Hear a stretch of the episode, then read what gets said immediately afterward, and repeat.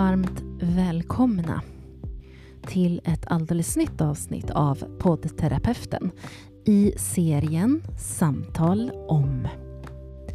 Idag så gästas podden av Maja från Sorg och saknad-podden. Hon har en blogg som vi har länkat nere i objektsbeskrivningen på avsnittet. Hon har också sin Instagram som heter Sorg och saknad-podden. Och hon har också en egen podd där hon pratar om sorg. Och i dagens avsnitt så berättar hon sin historia. Sin berättelse om svår förlust. Hon berättar om sin son som togs ifrån henne när han bara var 13 år. Och hon berättar om vad som hände den där dagen. Och sen om sorg och sorgarbetet. För en sak är säker, ett arbete är det. Hej Maja, välkommen till podden, poddterapeuten. Hej och tack så mycket. Det ska bli så himla fint och vi ska ju prata om sorg idag du och jag. Ja, ett eh, så viktigt ämne. Det är ju det. Du och jag, vi skulle ju haft en, ehm, en liveshow här för några veckor sedan. Um, men tyvärr så fick jag ställa in den för att jag fick ju privata eh, saker som ställde till det här. Men då började du och jag prata lite grann om hur vi skulle eh, hur vi skulle gå vidare, om vi skulle göra en, ett nytt försök till liveshowen eller också så, så kom vi på att nej men, en podd, ett avsnitt i podden, ja. Precis. Och det kan ju bli så, så mycket bättre eh, också. Mm. Även om livesändningar är bra, men, det är kanske lite lättare för människor också att lyssna på en podd så här när, när man har tid älskar ju verkligen poddar. Idag då, eftersom vi ska prata om sorg så eh, pratade jag med dig för att vi har haft kontakt på Instagram och jag tänker att vi ska väl börja från början med att introducera dig till lyssnarna och eh, vad, du, vad du helt enkelt har gått igenom och eh, din berättelse. Så ska vi börja från början och ordet är liksom fritt och ditt. Scenen är din, Maja. Så vad hände? Ja. Vad hände? Ja, um, jag levde ju mitt liv precis som alla andras egentligen. Uh, jag hade uh, tre barn. Jag hade precis uh, fått mitt tredje barn som var en liten bebis. och de här två yngre är ju med då en annan pappa så att, så att eh, de var ju mycket yngre än min son som allting handlar om. Eh, han mm. hade ju hunnit bli 13 eh, år eh, och, och, väldigt stor i jämförelse med dem. Um, mm. Och jag, jag kan minnas så tydligt så där som man förmodligen gör innan någonting sånt här händer när man liksom går igenom allting.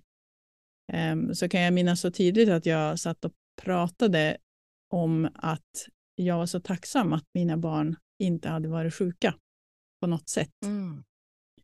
Ehm, det var, Hampus hade haft lite sådär falsk krupp, Eh, hosta när han var liten och det var ju såklart jobbigt men, men det var ju liksom ingenting farligt sådär. Inte ens allergier och, och jag vet att jag nämnde det till en person och jag har tänkt på det eh, flera gånger efter det. Men eh, hur som helst, eh, det var 2017 som det började och min son som bodde varannan vecka, han firade jul hos sin pappa. Mm. Och då ringer eh, hans bonusmamma till mig och hon berättar att han har haft ett krampanfall. Mm. Eh, så att han har ju åkt in då med, med ambulans eh, där de var. Och ja, det var ju liksom en, en chock, ja, absolut. Det kom som från ingenstans. Men, men eh, jag följde honom sen till läkaren eh, när han väl hade kommit hem igen. Eh, och hon var ju väldigt sådär, ja men man kan ha krampanfall ibland. En gång ingen gång och ja men lite så att hon dämpade allvaret i det, upplevde jag. Mm. Um, och uh, ja, sen fick han ett uh, krampanfall till um, någon gång i mitten av januari uh, och åkte in med ambulans igen. båda de här hände ju hos hans pappa. Mm. sen så var han extra hos mig en gång. och för att hans lillebror hos pappan var sjuk så att de behövde åka in till akuten. Eh, så att han var extra hos mig och då skulle jag fylla år. Eh, så vi frågade hans pappa om han fick vara en dag extra hos mig så att han skulle kunna fira min födelsedag. Eh, och det gick ju bra. Och sen så på kväll, eller på dagen så jag fick jättehög feber så jag ringde dit min mamma eh, för att liksom få hjälp med, med barnen. Eh, och eh, ja, lite grann att hon skulle ta hand om mig också såklart. Ehm, mm. Men sen på, på kvällen så han var ju då inne i sitt rum och jag skulle gå in och säga att han skulle sova.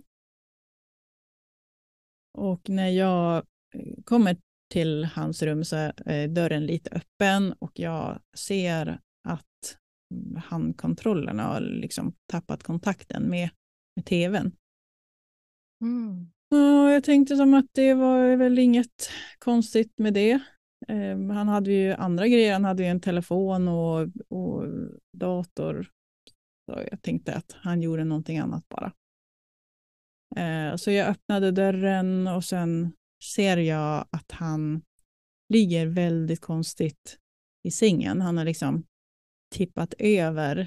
Eh, ja, men benen ligger liksom raka och han har tippat över mot väggen och ansiktet ligger neråt. Ja, jag tänkte inte så mycket på det mer än att jag tänkte att jag precis hade kommit in i att han hade haft ett anfall och det var liksom över då. Eh, så att jag, jag sa hans namn och sen eh, skakade på honom lite grann. Eh, men jag fick ingen respons. Så jag ropade på min sambo och ville att han skulle hjälpa mig att, att vända på honom. Ehm, och då kommer han in och sen börjar han liksom ja, men han, han kände efter tungan, han hade som hört att man skulle göra det. Um, och sen så vänder han på Hampus då um, och ser att han är alldeles blå. Uh, så han skriker ju um, att vi ska ringa ambulans och jag skriker på min mamma. och hon kommer med telefonen och de var ju jätte, jätte... Jag tyckte att hon var jätte, jättebra. Eh, så här i efterhand tyckte jag att hon var bra. Då tyckte jag mm. att hon mm. pratade alldeles för sakta. Um, för mm. att man ville ju, mm. ja, men i den paniken, man ville ju att allting skulle gå snabbt och att det skulle liksom, mm. ja men, jag tänkte ju fortfarande att han gick att rädda. Ja. Um, ja, så att vi, hon sa ju till att vi skulle dra ner honom på golvet för att vi skulle kunna göra hjärt och lungräddning. Eh, och vi kämpar ju med det. Eh, och vi bor ju lite utanför så att det tog ju ungefär 20 minuter tills eh, ambulansen kom. Mm. Oj, vad länge. Ja, och vänta. Så att vi, eh, ja, precis. Så det var ju jag och min sambo turas ju om då ja, men, med att göra de här eh, hjärt och lungräddningen. Ja, um, och då hade ni ingen kontakt med din son alls? Nej. Nej. Nej, utan han, han var ju som helt, helt borta då. Ja. Och jag vet att jag frågade henne och sådär halvskrek i panik att borde vi inte få någon reaktion? Just det. Och hon sa liksom att nej, men det, det är inte säkert. Det viktiga nu är att liksom syresätta kroppen Mm. eh, tills ambulansen kommer. Ja, så att vi, vi kämpar ju på med det där då. Och sen kom ju ambulansen och jag kunde inte vara kvar då. Så att jag gick ut och satte mig och liksom sjönk ihop och bara grät. Och jag, eh, jag hörde att min, det var ju liksom precis utanför sovrummet där min dot, eller ja, mina döttrar låg och sov, så en av dem vaknade ju. Och jag hör att min mamma sitter och sjunger för henne.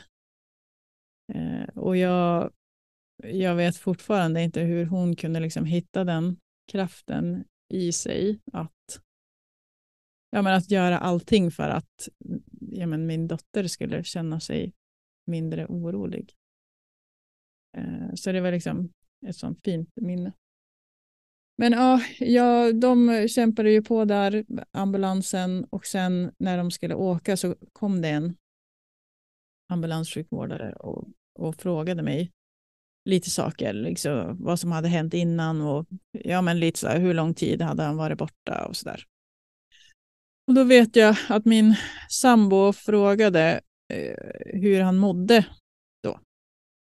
Och jag ville typ inte att hon skulle svara för att det, det var så. Jag, jag tittade på henne med, med hopp tror jag och blev tyst. Mm. Men, men någonstans kände jag nog att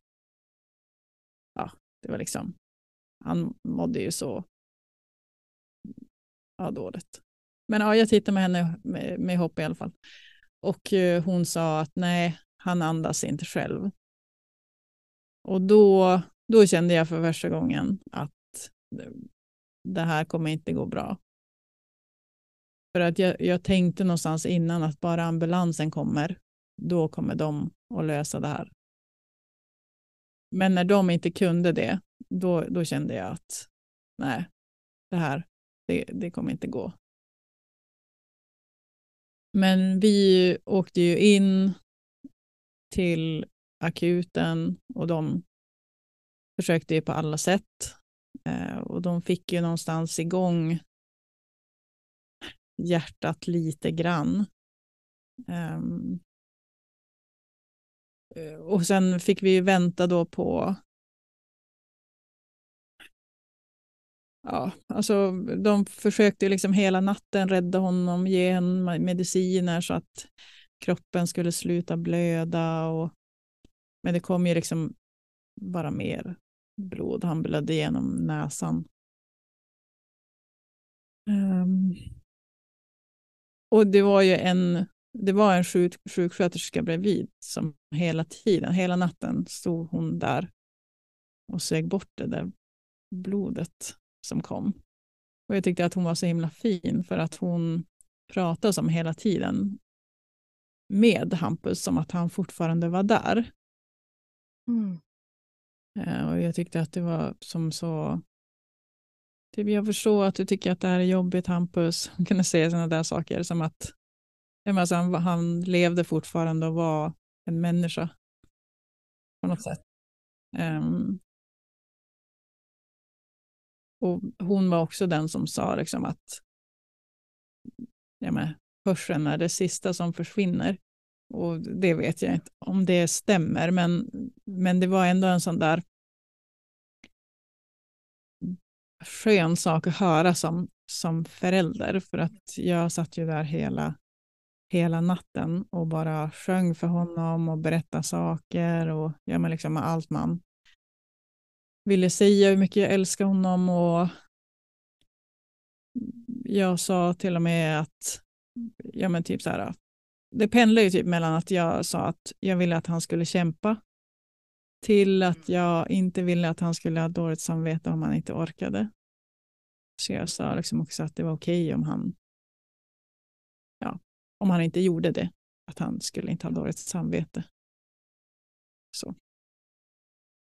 Och sen på, på morgonen så så var det ju rond och då kom det en ny läkare och då stängde de av medicinerna. Och då, då var han borta på en gång. För de sa det att hjärnan hade tagit för mycket skada. Ehm, så det gick liksom inte. Så. Men Åh, vilken natt. ja, det gick liksom så fort. Ja. Eh, Från, från ingenting till bara ja. kaos. Och sen var det som bara borta och vi åkte hem. Och ja, men hans rum såg ju precis som vanligt ut. Förutom Ja. att det låg ju kvar lite grejer från ambulansen som de hade lämnat. Det låg någon filt och det Mm. låg liksom, ja men det låg kvar eh, sprut, eh, plast och en massa sådana där Mm. saker. Så att det var ja, väldigt traumatiskt. Åka Ja. hem sådär utan Hampus. Vad gjorde Ja. du när du kom hem? Det, det tyckte jag och det kan jag också höra andra säga. Att alltså just det här att behöva då lämna sitt barn någonstans. Mm. Ehm, Det, det var väldigt tufft tyckte jag. Mm. Ehm, att, liksom- alltså de hade ju gjort det i ordning och gjort han fin och det, han låg ju liksom i ett sånt fint rum med tända ljus och, och så. Men då vet man ju liksom att det här är sista gången som jag ser mitt barn.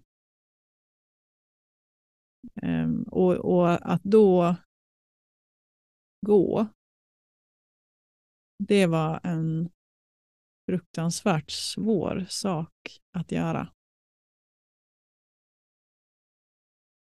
Så. Men att komma hem var ju också, jag tror kanske första veckan i alla fall, då var det ju som ett vakuum.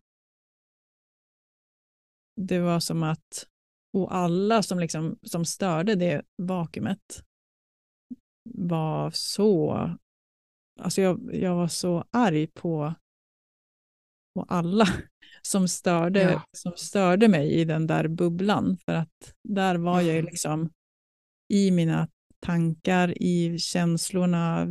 Där var han ju som fortfarande vid liv på något vis. Och jag, Mm. minnen spelade upp sig, allt liksom snurrade sådär. Och, och allting Ja. som hände hörde ju till honom. Mm. Så jag var så arg på människor som, som störde mig. Det var säkert också nyttigt att de störde mig, men, men det var en sån där grej jag kan komma ihåg, att jag var väldigt bitsk. Ehm, allt och alla. Fick du veta efteråt vad det var som hade hänt? Ja, ehm, det, ja in, inte med hundra procent säkerhet. Men, Nej. men de, de säger att det eh, var kopplat till den här förmodade epilepsin som kom. Mm. Eh, han hann ju aldrig utredas för det. Men, men eh, de, de säger att eh, det finns någonting som heter SUDEP. Ehm, och det är ju typ sudden death in epilepsy. Eh, och det är som att den här elektriska, eh, ja, det här som anfall är, eh, sätter sig på hjärtat på något sätt istället för i hjärnan. Så att eh, hjärtat liksom krampar eh, och kan ju inte slå då. Och det är klart, pågår det då under en, en lite längre tid så ja, då stannar ju hjärtat till slut. Mm. Och det var det som hade hänt då, när du, när du hittade honom på rummet där. Ja, precis. Mm. Mm. Precis. Oh. Vad, vad tyckte Hampus om att göra? Vad var han för slags kille? Ja, han älskar ju... Han älskade gaming som så många mm. i den där åldern och han gjorde ju mycket det. Ja. Um, han spelade trummor. Mm. Han var mhm. väldigt han var väldigt, väldigt klok, eh, Hampus. Han brukar sitta mm. med mig och se Dr. Phil till exempel. Uh, 13 år gammal. Wow! uh, ja, det var en sån där grej som vi gjorde tillsammans. Och jag tror att det mm. gjorde mycket för att, för att vi, jag och hans pappa separerade väldigt tidigt. Och mm. sen dröjde det sju år ungefär innan jag träffade någon ny. Och det gjorde ju liksom att det var jag och han bara. Eh, ja, de här varannan vecka då. Så att, så att vi fick ju en sån jättenära relation. Mm. Och vi satt och pratade mycket och vred och vände och reflekterade över en massa olika saker. Mm. Um, så att det finns sådana där många kloka citat som han sa tidigt i livet. Mm, få höra. Ja, nej men citat, det vet jag inte, men, men han kunde ju till exempel säga när han var, när han var ja, men fem, sex år sådär, då, då satt vi och läste lite, för han hade precis fått barnens bibel. Um, och så satt vi lite och läste i den. Uh, lite grann. Och. Eh, och då, då tittade han på mig. Och den är, den är ju väldigt mycket så att, att Gud är god, såklart. Eh, och mm. djävulen är inte lika god. Mm. Och och då tittade han på mig och sa men mamma, Gud är ju ond för djävulen. Det var som, det var som så där han var liksom vred, vred och vände på, ja. på ont och gott och, och tänkte och han var, han var väldigt liksom, stark i, i sig själv. Det låter som han kunde liksom verkligen eh, med empati också försökte liksom sätta sig in i olika perspektiv och sådär. Ja, ja men precis. Ja. ja. Och sen vet jag ett sånt här senare, som, och det har jag skrivit och pratat jättemycket om. Det, det var en sån här för att då hade jag köpt eh, tavlor till min eh, dåvarande sambo. Och eh, där stod det liksom, eh, vad vore jag utan dina antag? Du vet sådana där kärleks eh, som, man, mm, just det. som man köper. Eh, och då när han såg dem så sa han, men mamma, du är fortfarande dig själv. och det tyckte jag var så det har jag liksom använt efteråt. För att nu när hans andetag då inte finns längre, att jag liksom försöker hålla kvar vid det, att jag är fortfarande mig själv. Så där yeah. som han sa. Mm. Så det är som också var en sån där liten grej som har, som har hjälpt mig, även om jag också såklart har omvärderat livet och mig själv och drömmar och relationer och allt det där som man går igenom. Yeah. Men, men det är som ändå stärkt mig mm. på något sätt. Han låter helt fantastisk. Vilken underbar kille. Ja, ja han var väldigt, han var väldigt fin. Och, mm. och, och, väldigt sådär regel. Det vet jag var nästan orolig för Hampus när han var liten, för han var väldigt sådär regel... Han var noga med regler. Och att allt skulle liksom vara som det var bestämt. Ja. Och han var liksom den i, i kompisgruppen som, som sa ifrån och var noga med att man, ja, men man tog hand om varandra och, och, och så. Och jag var så orolig mm. vet jag, när han var liten, jag tänkte att han kommer ju inte ha kvar någon kompis till slut.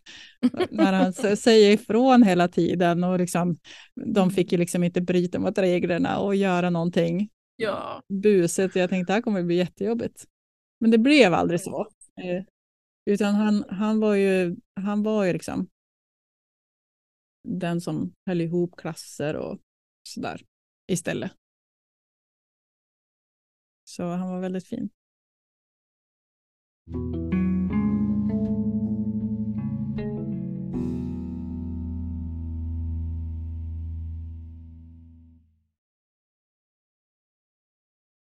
Men, men då i alla fall, om vi ska komma, komma över till... Det var ju då, alltså jag började skriva en blogg ja, men, nästan en, en vecka efter att han dog. Eh, skriva och som alltid varit min go-to-grej när jag behöver reflektera över saker. Eh, och jag kände, tror jag, jag kände tidigt att jag behövde göra det både för mig själv men även för andra. Eh, det, det var en sån känsla som bara kom så starkt. Så jag började ju skriva av mig precis så naket som jag bara kunde känna känslan. Ehm, jag, jag skrev mig liksom igenom de här värsta ångestattackerna när jag mådde som sämst. Ehm, och då kan man ju se det också i, i bloggen att den första tiden så kunde jag skriva flera gånger varje dag. Ehm, för att det var liksom där som jag hade sorgen. Den fick utlopp där och sen hade jag ju två små barn på sidan. Så då var jag med dem och sen när jag, när jag behövde, när det liksom blev så överväldigande, så, så hade jag bloggen och så sen skrev jag precis vad jag tänkte och så stängde jag av och så sen var jag liksom tillbaka i, i det där mm, ja, småbarnslivet. Så man kan ju se då att jag skrev väldigt, väldigt mycket och ofta i början och sen har det som trappats ut med tiden. Hur hade resten av familjen det? Jag tänkte på dina tjejer. Hur, hur, hur, hur gjorde ni för att ta er igenom sorgen? Jag vet ju, vi ska prata mycket mer om ditt, ditt sorgarbete och sorgen. Men hur blev det rent initialt med, med resten av familjen? Vill du dela med dig? Ja, um, vi, min syster och, och hennes familj, de kom och var hos oss eh, mycket. Um, och min... Eh, jag upplevde att jag och min sambo vi sörjde på väldigt, väldigt olika sätt. Um, så det blev nästan som en kil uh, emellan. Uh, Vi kunde som inte riktigt uh, kommunicera så där som det kan bli ibland. Uh, när man sörjer på olika sätt och så kan, kan man inte kommunicera ut det. Så det är svårt att, att förstå. Ehm, men med barnen, jag, jag vet att jag tänkte tidigt i början så, så grät jag såklart väldigt eh, mycket. Det gick liksom inte att stoppa. Men, men det tog bara egentligen några dagar innan jag började känna, för jag märkte av så tydligt på mina barn hur oroliga de blev. Mm. Ehm, alltså på mina tjejer då. Ehm, en var ju bara fem månader, men hon, hon började vakna hela tiden och ville äta på nätterna. Eh, och den andra, hon var ju två, två lite drygt. Um, och hon blev ju också jätteorolig och började liksom läsa av eh, stämningar eh, och känslor och, och ja, men, väldigt orolig. Eh, och började vakna på nätterna även hon. Så att då, då kände jag att jag, jag, jag kände bara att jag kunde inte gråta li, lika mycket som jag gjorde. Att jag behövde liksom hålla tillbaka det. Ja. För deras skull. Mm. Så det gjorde jag nog. Jag förstår. Det här sorgarbetet nu då som du gick in i, um, ta oss med på vad som hände med dig och vad du tog vägen i allt det här? Uh, ja, um, jag uh, jag använder ju den här eh, bloggen som jag sa väldigt, väldigt mycket. Eh, Mm. Jag tänkte inte alls på vad jag skrev där. Eh, Alltså att folk skulle läsa eller utan jag, jag tänkte liksom det här är säkert till nytta för någon och så skrev jag bara av mig. Och det tror jag har hjälpt mig. Ligger den uppe fortfarande, bloggen? Har du Ja. den fortfarande? Ja, den ligger uppe fortfarande. Mm. Ska vi länka Ja. den i avsnittet kanske för lyssnarna så kan de gå in och titta? Ja, det skulle vi kunna göra. Eh, Mm. Det, det vet jag har hjälpt eh, många.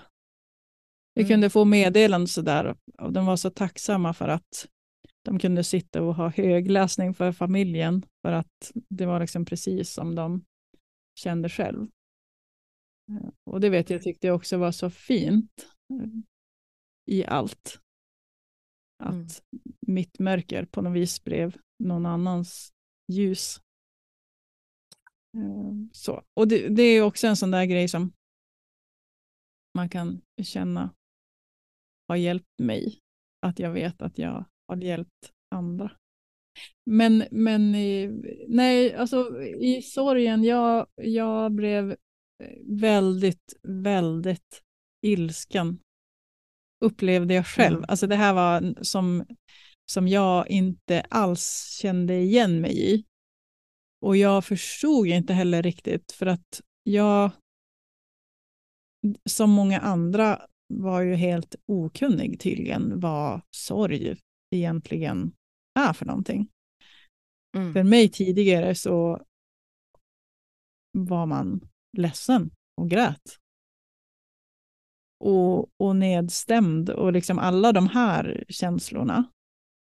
Men jag var så oförberedd på allt det här andra. Eh, Mm. Och speciellt just ilskan. Och det var ju inte bara ilska mot det som hade hänt, utan jag var ju liksom, ja men som sagt, bitsk mot, mot eh, allt och alla och jag accepterar liksom ingenting. Och det, det pågick nog eh, väldigt länge. Nu så här idag, ehm, vad tror du ilskan berättade för dig i sorgarbetet? Um, jag, jag, jag skulle nästan säga att jag, jag... Först hade jag tänkt säga jag vet inte, men, men någonstans så tänker jag på något sätt att att det för mig tror jag att ilskan blev väldigt viktig för att jag, Mm. det var ju på något vis min eh, gränssättning och mitt sätt att, att berätta för andra människor att det här har hänt mig. Och för att det var, det var ju, jag fick ju också möta väldigt många eh, välmenande ord, men, men som i, i stunden blir väldigt fel. Ja. Eh, och, jag, och jag accepterade inget sånt. Utan, utan jag sa ju liksom emot. Eh, jag var nog säkert väldigt jobbig för en del. Eh, som, som kom där med, med osäkerhet i, i blicken och i hjärtat och bara ville hjälpa mig. Eh, och Mm. jag, jag var lite mer sådär, men så kan du inte säga. Ehm, och, så, så jag tänker liksom i den ilskan hjälpte mig med, med gränssättningen, men den hjälpte mig liksom också med att, att, att driva mig framåt på något sätt i, i sorgen. Att, att behålla sorgen som min egen. Och, och igen, vi pratade om det eh, innan, det här med att min historia är min, är min lilla bebis som jag vill, vill skydda. Mm. Ehm, och, och då, det blev ju också ett sätt att ja, kom inte nära. Ja. Men hur har det med mig och i vårt samtal just nu, här och nu, idag, denna kyliga höstdag. Hur, hur mår du just nu? Eh, just precis nu så, så mår jag eh, bra. Mm. Ehm, jag, jag sorgearbetar fortfarande. Mm. Eh, det, här, det här är ju nu snart sex år sedan. Um, och jag... Det kommer ju fortfarande perioder när jag, när jag känner att sorgen är väldigt nära. Jag brukar säga det i alla fall att, att någonting som jag verkligen har lärt mig eh, efter alla år av, av sorg är att eh, studsa upp igen. Eh, så att för mig har det blivit okej att låta mig falla ner i det där mörka hålet när jag känner att jag behöver det. För jag vet att jag kommer upp igen. Ehm, och det är klart att det, det säger ju många också är ehm, viktigt att låta känslan eh, finnas. Ehm, och bara, och bara känna den. Mm. Eh, så. Men, men alltså jag, jag, mår, jag mår bra eh, precis i stunden och även liksom generellt så. Men, eh, men jag har fortfarande stunder som jag måste jobba med. Och jag kan ju mm. fortfarande mm. se tillbaka på eh, sorgearbetet och tänka att mm, det här var kanske inte så det här var kanske inte rätt. Um, och nu ska man inte värdera sådana där saker, eh, och det gör jag inte heller, men, men alltså vissa saker kan jag se tillbaka, till exempel att ja, men då i den stunden då var allting nattsvart och då sprang jag mot ett ljus som kanske inte var det bästa. Alltså så. Istället för att reda ut det här svarta, vet, man kan göra så där ibland, eh, utan man liksom förtränger lite och så går man mot, ja. eh, man rusar in i någonting annat. Så det där är tyvärr min, min strategi ibland i livet. Och det har ju såklart också kommit nu när jag sörjer. Eh, ja. Att, eh, jag menar, om, om någon situation är väldigt svart, ja, men då kanske jag hoppar på en utbildning eller liksom sådär så att jag mm. rätt, rätt in mot ljuset igen. Eh, och sådana där mm. saker kan jag ju se tillbaka och se att det har också hänt. Så. Och då får man ju liksom backa och, och, och ja. och tänka om lite. Ja. ja, för du nämnde eh, någonstans i mitten där om, om att du har just gjort det. Att du har om, omvärderat och omförhandlat många olika saker. Och um, Eh, vad skulle du säga är den största saken som du har omvärderat och omförhandlat i livet? Det är säkert massa olika saker, men vilken skulle du vilja plocka ut idag? Ja, jag vet att en sak, och det här är säkert en sån där mm, men en sån där som kanske är triggande för en del att jag säger. Men, men nu har jag ändå gjort den här sorgeprocessen sådär som att jag bara säger allt jag tänker på, för jag tänker att någon annan säkert känner igen sig. Eh, men men jag, jag vet att i början så tyckte jag att det var jätte, jättejobbigt att min, alltså jag blev mamma väldigt tidigt, eh, för många i alla fall. Jag var ändå över 20 år, eh, så. Mm. Men för många var det väldigt tidigt. Eh, och det gjorde ju då att jag anpassade livet såklart efter... Eh, vi bodde på en liten ort eh, och jag kunde inte på samma sätt utbilda mig. Um, och man liksom gjorde sådana där um, mamma-anpassningar som man ibland måste mm. göra. Jag kunde inte resa ja. lika mycket eftersom jag levde ensam och jag pluggade och i, en period och då var liksom ekonomin, det gick inte resa lika mycket och det gick, ja man kanske inte göra saker som jag hade kunnat göra om jag inte hade barn. Mm. Och det är, eh, det hade jag inga problem med då under den tiden. Men jag vet att jag efter han dog så kändes det som att jaha, nu hade jag varken erfarenheter och resor och minnen och, ja. och allt det där. Men jag hade inte heller något barn. Jag hade liksom tappat så, så stor del av livet. Och det låter jättehemskt för att jag är såklart väldigt, jag är väldigt tacksam, eh, absolut, för att jag fick uppleva mitt barn och jag har älskat mitt barn och jag älskar fortfarande mitt barn. Eh, och jag är tacksam för alla minnen som vi har tillsammans. Men, men, men eh, då i den här omvärderingsprocessen och även il ilskan som liksom blossade upp i alla områden i livet. Så, så, så var det en grej som jag kunde vara väldigt arg på. Att mm. jag hade liksom ingenting kvar. Nej. Kom det in en bitterhet i det då också? Ja, men det, det gjorde det nog. Mm. Så, så då fick man ju processa mm. den känslan. Eh, och den, den känslan finns inte kvar idag på samma sätt. Nej.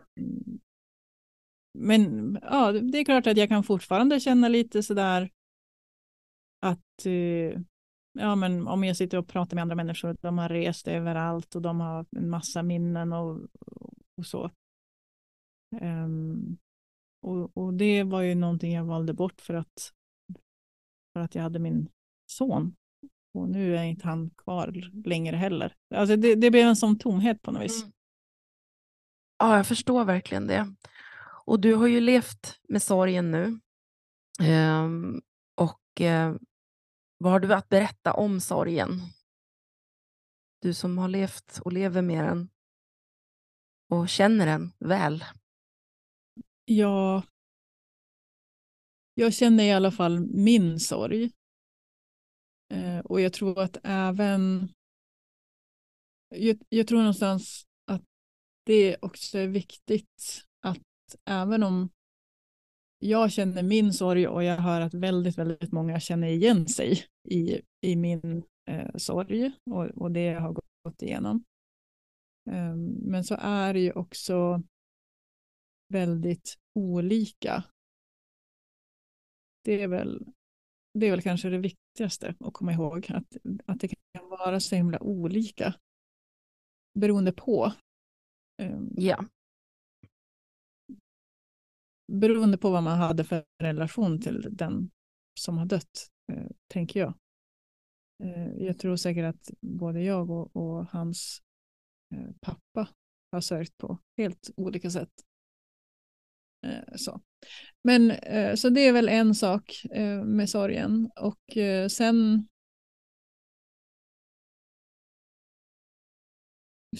Sen känns det som att sorg är så himla fint på något sätt. Um, alltså det, det är ju liksom en sån, vi är så rädd för sorgen. Um, mm. vi, är så, vi är så rädd också för att visa människor att vi, vi har ramlat ner i det där svarta hålet och vi ser liksom ingen ingen ljusning. Men, men det vore ju konstigt om vi inte gjorde det. Ehm, och sen är det såklart också påverkat av att när vi väl är i det där svarta hålet så, så kommer människor och eh, välmenande, absolut. Men, men just det där att man, de vill stressa upp en där från det svarta hålet och, och, och peppa igång en igen. Eh, så det, det påverkar ju såklart. Men, ja, nej, men jag, tänk, jag tänker bara att det är så viktigt att man, att man låter sorgen få finnas precis som alla andra känslor. Jag, jag fick en reflektion. Um, nu säger jag inte att det var så i det här fallet, men jag kan uh, jag slänger ut en reflektion och sen så får du slänga bort den om du inte känner att den gällde dig och dina, och dina nära. Ehm, men kanske lyssnarna känner igen sig eller någon eller också bara så bara slänger ni bort det också. Men reflektionen är sådär att när en människa går igenom sorg um, och har en omgivning då som, precis som du säger, som verkligen vill, vill hjälpa upp uh, ur, ur det här hålet och ur det här nattsvarta. På ett sätt så går ju också de igenom en, en sorgeprocess i, i att de förlorat relationen eh, till den som sörjer. Även den personen eh, går ju in i någonting annat. Det blir någonting som blir eh, förändrat även för omgivningen och det är ju själv också en, en sorg, även om det jag tycker inte om att gradera sorg, men, för, men, men det blir ju också en förlust. Och förlust, alltså sorg och förlust hör ju ihop. Så jag tänker om det är det som människor det kanske är det som människor verkligen vill. Ja, men kom upp här nu, kom upp till ljuset, ut ur mörkret, ut ur gropen, för jag jag vill ha dig, jag behöver dig. Um, att det kan vara en sån sak som händer. Vad tänker du när jag säger så? Jag tänker att det kan absolut vara så. Um, för att uh, människorna runt omkring förlorar ju också den som de uh, känner. Exakt. Um, men jag tänker också att det blir lite av ett, och det tror jag att man ska tänka på, att när någon sörjer och har ramlat ner i det här svarta hålet, eh, om, om de människorna där uppe kastar ner ett rep och säger kom här nu upp till ljuset. Eh, en person som är i sorg vill ju så starkt hålla fast vid den känslan för att man vill ju Ja, men alltså man, man vill ju få känna känslan och man, det här är min erfarenhet i alla fall, eh, man vill få känna känslan och det är liksom en sån stor del av en nu, att man, man sörjer och man saknar och man vet inte vem man är. Alltså det tar liksom upp hela, hela ens väsen på något sätt. Ja. Och, så, och så ligger man, man där i hålet och någon kastar upp ett rep och då blir det nästan som en dragkamp. För att de vill att jag ska komma upp och jag vill absolut stanna kvar i det här svarta hålet. Och liksom, så att det, det, blir på något vis att man, man kämpar emot mer eh, när människor faktiskt vill dra i något andra hållet. Ja, för att det blir ju en, vid en sån här förlust så blir det ju som ett hål Eh, och då tar ju sorgen dess plats.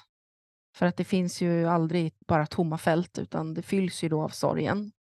Och då blir det på något vis en... Ehm, Precis som du beskrev så bra där, din identitet. Eh, det som du behöver ha uppfyllt just nu.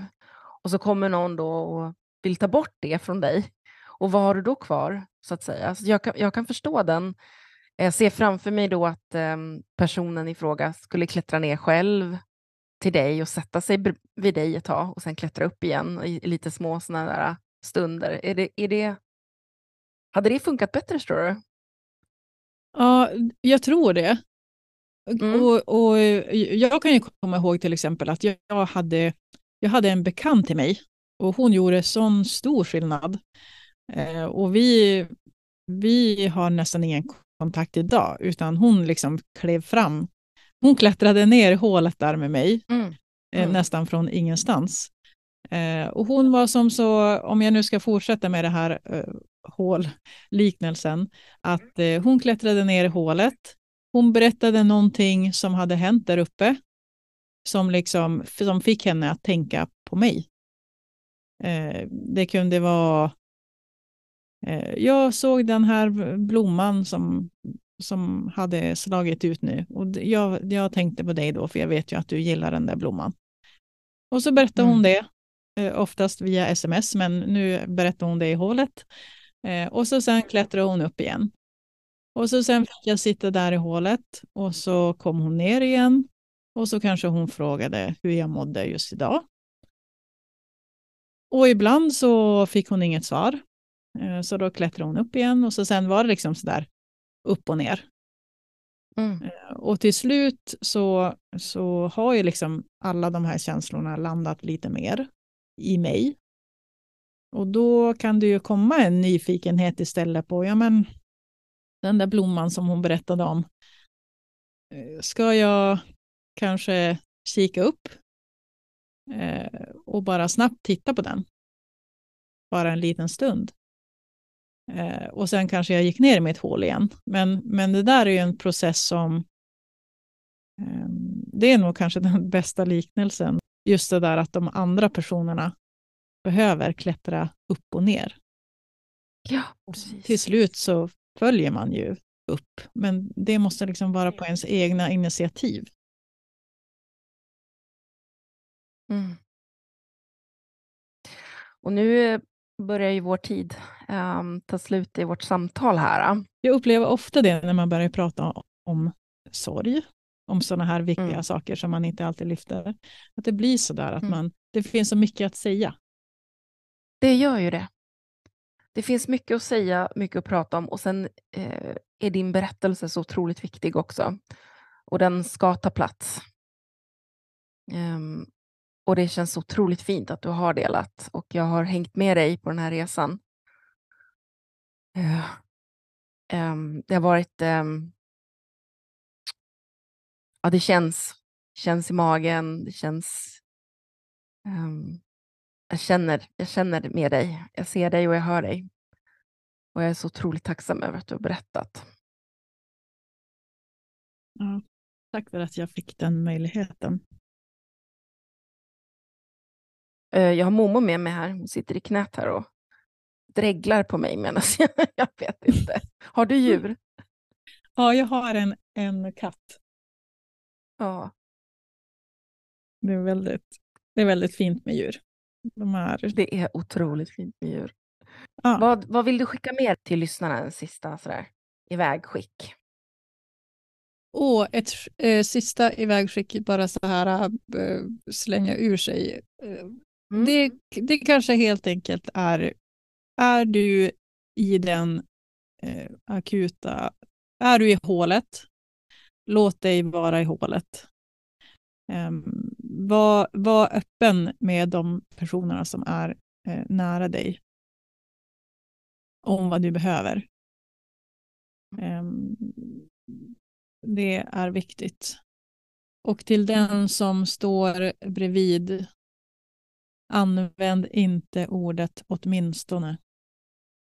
Oh. Mm. Det, är nog det, det, det, är nog det viktiga. Nej, men det är väl just det att tillåt mm. din person att vara i det svarta hålet. Sätt, sätt dig bredvid bara. Du behöver inte säga någonting. Bara, bara sätt dig bredvid. Och använd inte ordet åtminstone. Mm. Jag fattar precis vad du menar med det. Ja, och gör man, gör man inte det så kan jag bara snabbt säga, det är ju lite sådär, ja men åtminstone så har du andra barn. Eller åtminstone så kan du få fler barn.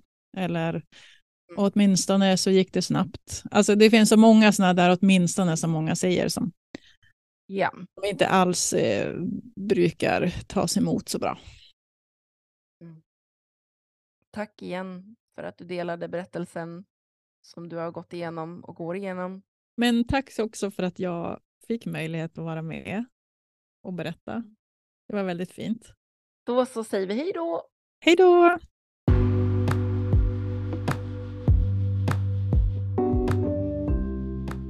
Och det där var allt för dagens avsnitt av poddterapeuten. Stort tack Maja för att du delade med dig. Och tack till dig som har lyssnat. Som sagt, gå gärna in på Majas ehm, Instagram och kika in där. Och följ gärna också hennes blogg. Alla länkar ligger här nere i objektsbeskrivningen. Och eh, du får också jättegärna följa poddterapeuten på Instagram. För där får du information om podden och dess gäster och en massa annat innehåll om mental hälsa och välbefinnande. Och du som lyssnar nu och går igenom sorg och känner och verkligen behöver stöd så kommer jag också länka eh, från 1177 deras lista av olika sorters fantastiska stödorganisationer dit du kan vända dig. Det är till exempel jourhavande medmänniska, jourhavande präst, kyrkans SOS och en hel del annat. Så kika gärna in på den länken. Nästa vecka så kommer ett nytt lördagsfika med Malin och Erika tillbaka. Och då ska vi faktiskt prata om hur vi kan tänka och känna kring en väldigt, väldigt orolig värld som vi lever i idag. Och vi kommer med lite tankar och funderingar och lite övningar när det gäller just det här. Så missa inte det. Vi hörs snart igen hoppas jag. Hej då!